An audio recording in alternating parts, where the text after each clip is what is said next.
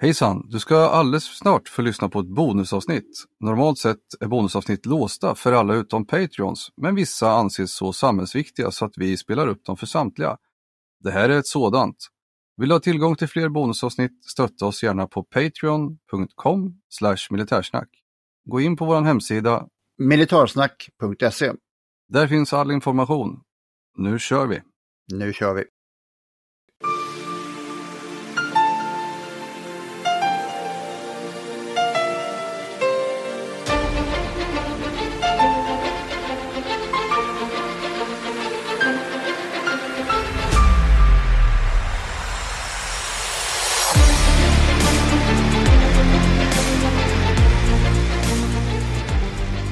Lyssnar på Militärsnack, podcasten där militära saker blir lätta att fatta.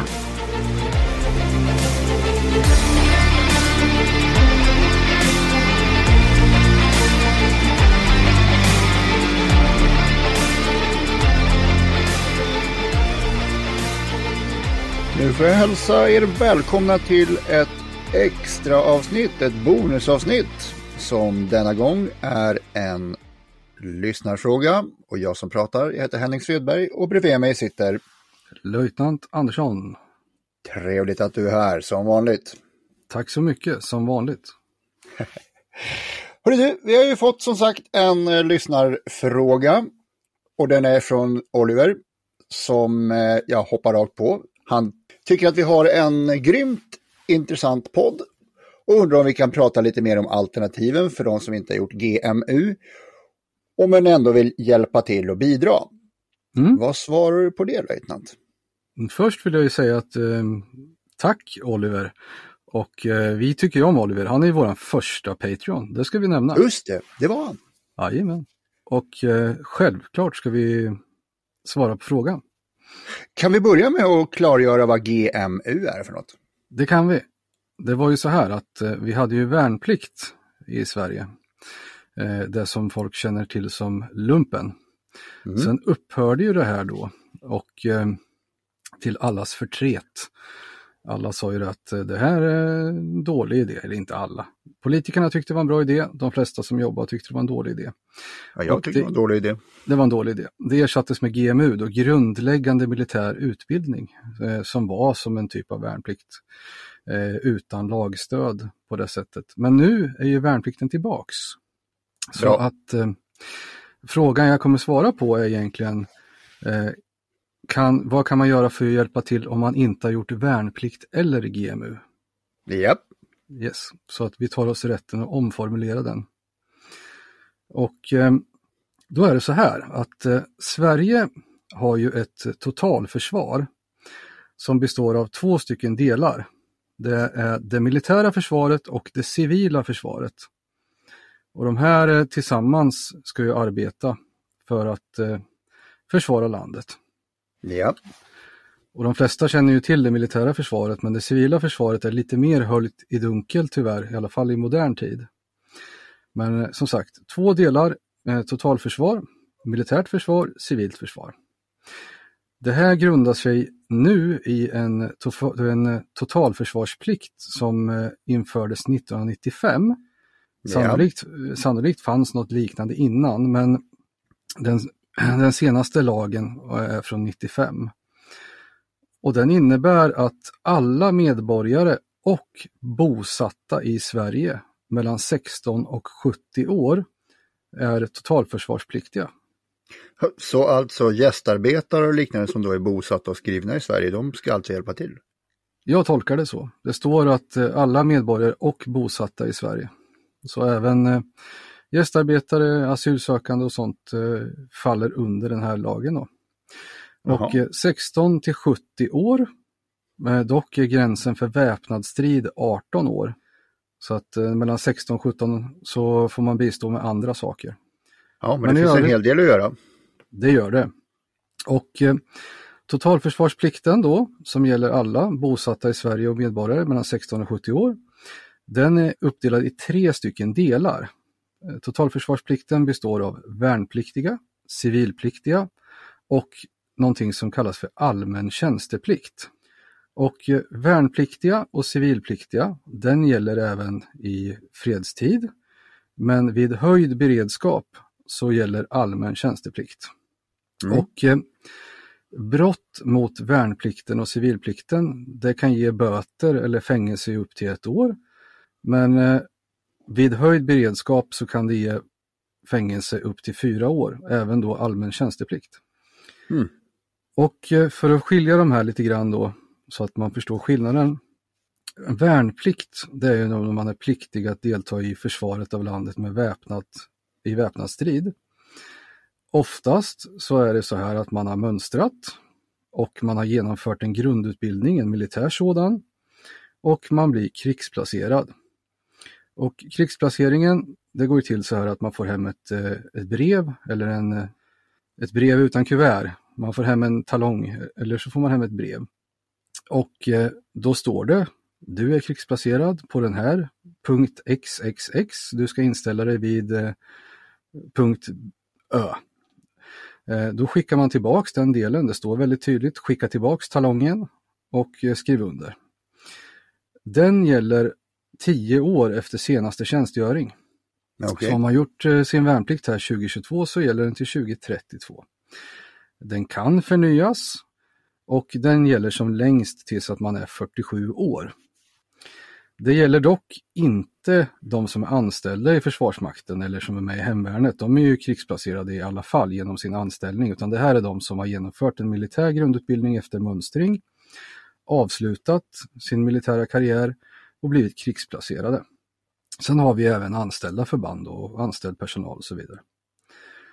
Det är den militära delen och jag nämnde ju även hemvärnet där. Sen har vi civilplikten.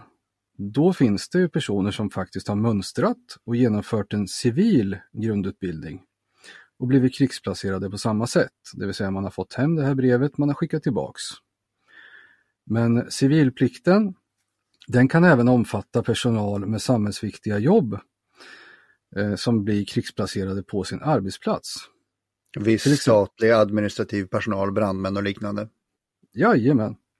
Eh, Det kan vara sjuksköterskor, förskollärare, räddningstjänst, polis, statliga myndigheter, kommuner, landsting, företag, frivilliga organisationer och alla som är totalförsvarspliktiga kan bli krigsplacerade. Okej. Så skillnaden är ju här, eftersom vi pratar totalförsvarsplikt, det var ju alla mellan 16 och 70 bosatta eller svenska medborgare bosatta i Sverige. Men har du gjort en värnplikt, då vet du att du är placerad i det militära försvaret genom din krigsplacering. Eh, har du gjort civilplikt eller jobbar på ett samhällsviktigt jobb så vet du att du är krigsplacerad på ditt jobb eller på din tjänst då, redan innan krisen. Och den sista delen som jag sa, allmän tjänsteplikt, den gäller ju bara vid höjd beredskap som eh, det beslutas om. Och eh, är man då, är man då krigsplacerad och det höjs beredskap, då vet man vad man ska. Är man inte krigsplacerad och det blir höjd beredskap, ja, då vet man inte vad man ska, men då det gäller allmän tjänsteplikt och man kommer sannolikt bli användbar på någonting, något sätt. Mm. Om man då har gjort sin militära tjänst som någonting som är lite ovanligt, så att man alltså är en kritisk person, om du förstår hur jag menar, som kanske vissa jägare eller någonting. Och sen Mm. börjar man jobba på sig Skatteverket och har en eh, ansvarspost där som man blir krigsplacerad där. Vilken trumfar vilken? Det där är Pliktverket, eh, som, eh, eller de som har hand om krigsplaceringarna som reder ut vilken det är som ska krigsplaceras. Det är samma sak om du är jägarsoldat eh, och nymuckad och du blir krigsplacerad och vill gå med i hemvärnet. Då blir det en Mm. intressekonflikt, men det, det kommer de lösa. För eh, hemvärnet kanske inte är jätteintresserade av att ha en, en person som de inte kan krigsplacera. Eller så är de det på grund av andra anledningar. Men det är sånt som man löser då, så att säga, när det uppstår en konflikt. Okej. Men eh, för att svara på frågan mer, mer hands-on Mm. eh, till Oliver. Är, eh, då är frågan egentligen, är man krigsplacerad militärt? Då vet man om det. Är man krigsplacerad civilt? Då vet man också om det. Har man gjort en värnplikt eller GMU men inte blivit krigsplacerad av någon anledning, Då rekommenderar jag att man går med i hemvärnet och eh, utnyttjar sin militära bakgrund i hemvärnet och får en krigsplacering där. Har man inte gjort värnplikt eller GMU, men man har ett militärt intresse, då tycker jag också man ska höra av sig till hemvärnet. Och I vissa fall så kan de anordna utbildningar då, kombatantutbildning eller någon slags av GMU. Om man kanske är lämplig, då kan man bli skickad på en militär utbildning för att komma med i hemvärnet. Så tycker jag man ska höra av sig och se vad de kan erbjuda. Mm. Men det finns väl också en rad helt eh, icke-stridande om man nu skulle vilja bidra men inte springa med bössa i hand? Precis. Och då kommer nästa där. Har man inte gjort värnplikt eller GMU, men man har andra intressen som inte är militära.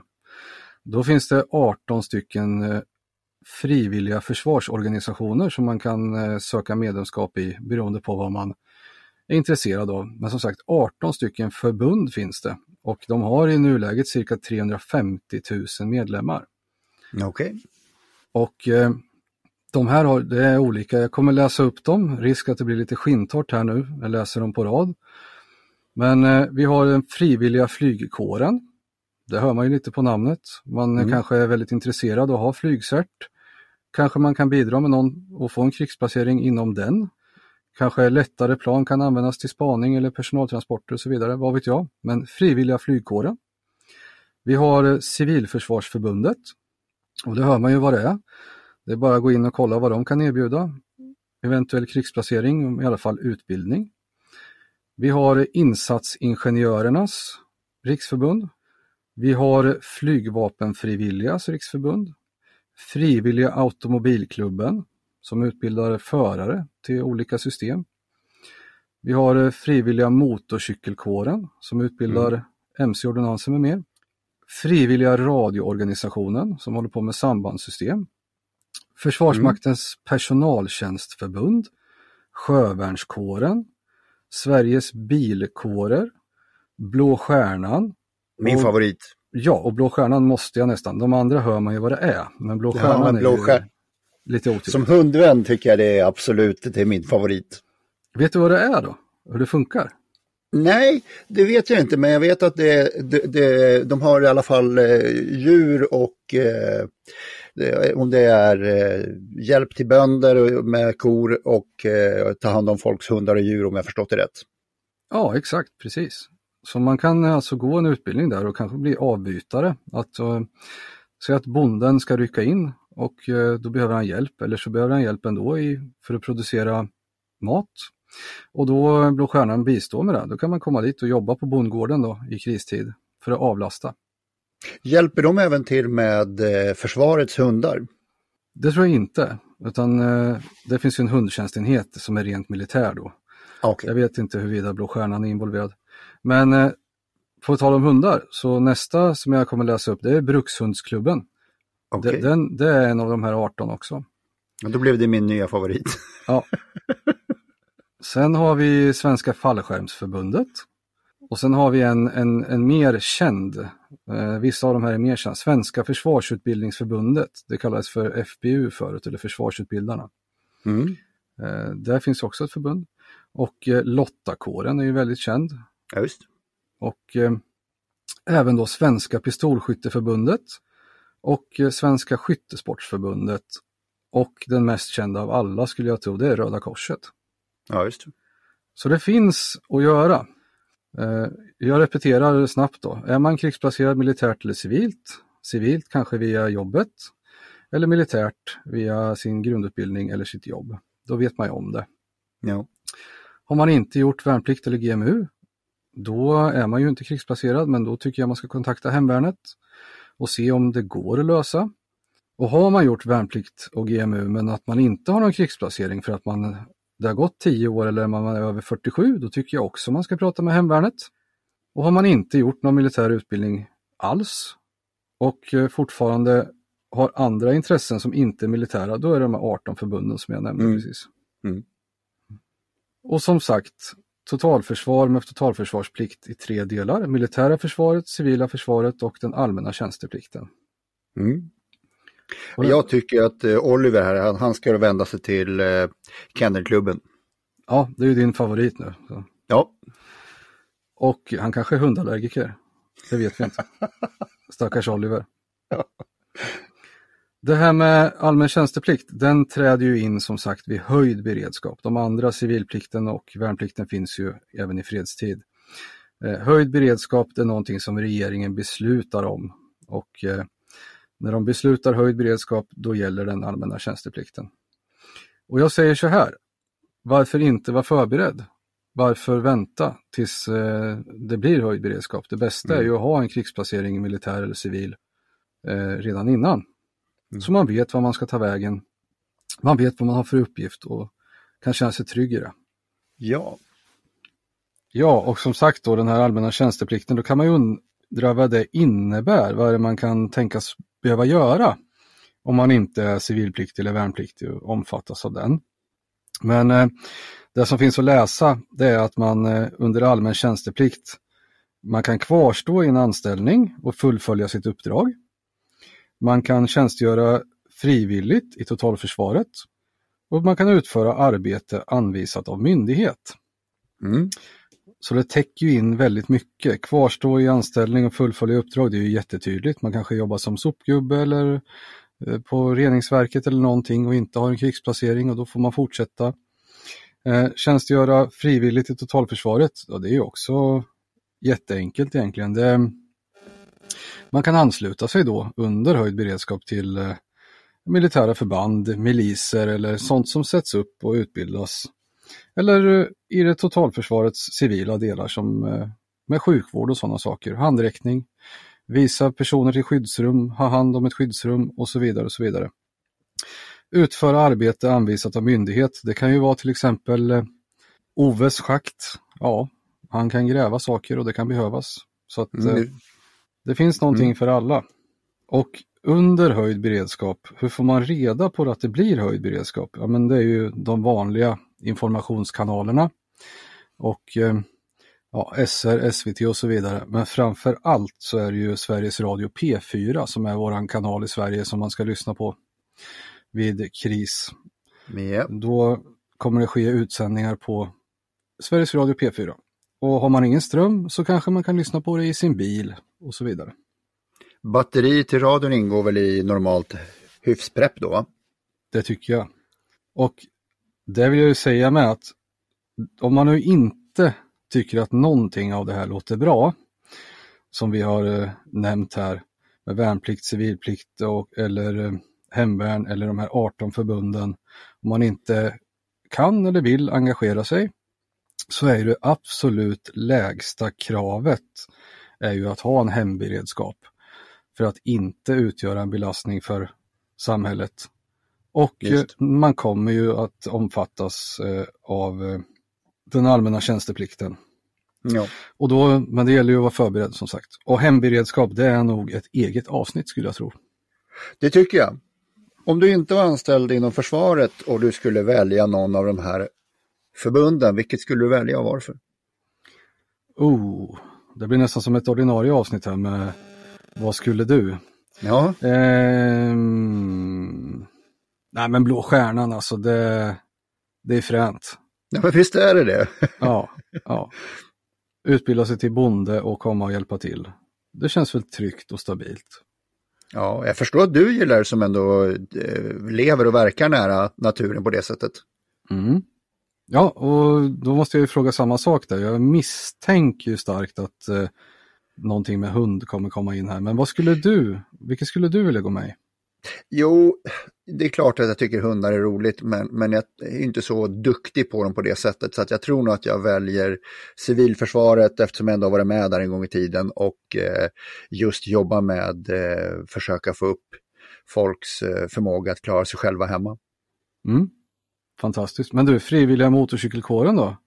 Kan man smattra på någon gammal HD med ett ordonanskuvert till fronten? Post ja, till kanske. Chefen. Ja, kanske. Nej, men jag, jag har jobbat så mycket med motorcyklar så jag känner att det, det, det är klart det är roligt. Men nej, jag väljer att ha min hobby som en hobby numera. Mm, mm.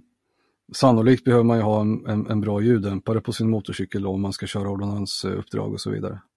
Mm, nu kör jag varken HD eller någon hoj som låter sådär väldigt mycket så jag tar inte åt mig så mycket åt din peak. Nej, det var ingen pik. Det var mer bara att man måste nog eh, i och med sin, eh, sitt engagemang där så behöver just en HD med raka rör är väl kanske inte föredra, även om det är fränt i övrigt. Det var så jag menade. Det var så du menade? Mm, så menar jag.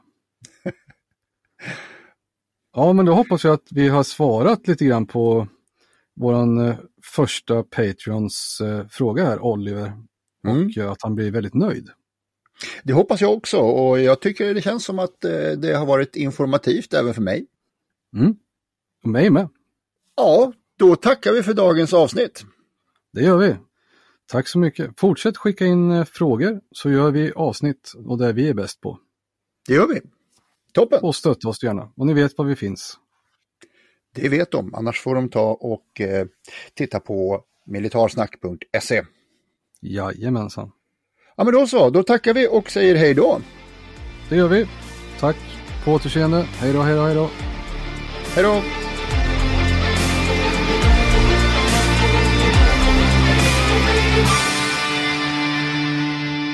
Glöm inte att gilla, dela och gärna prata om vår podd med de vänner du tror skulle gilla den. Tack!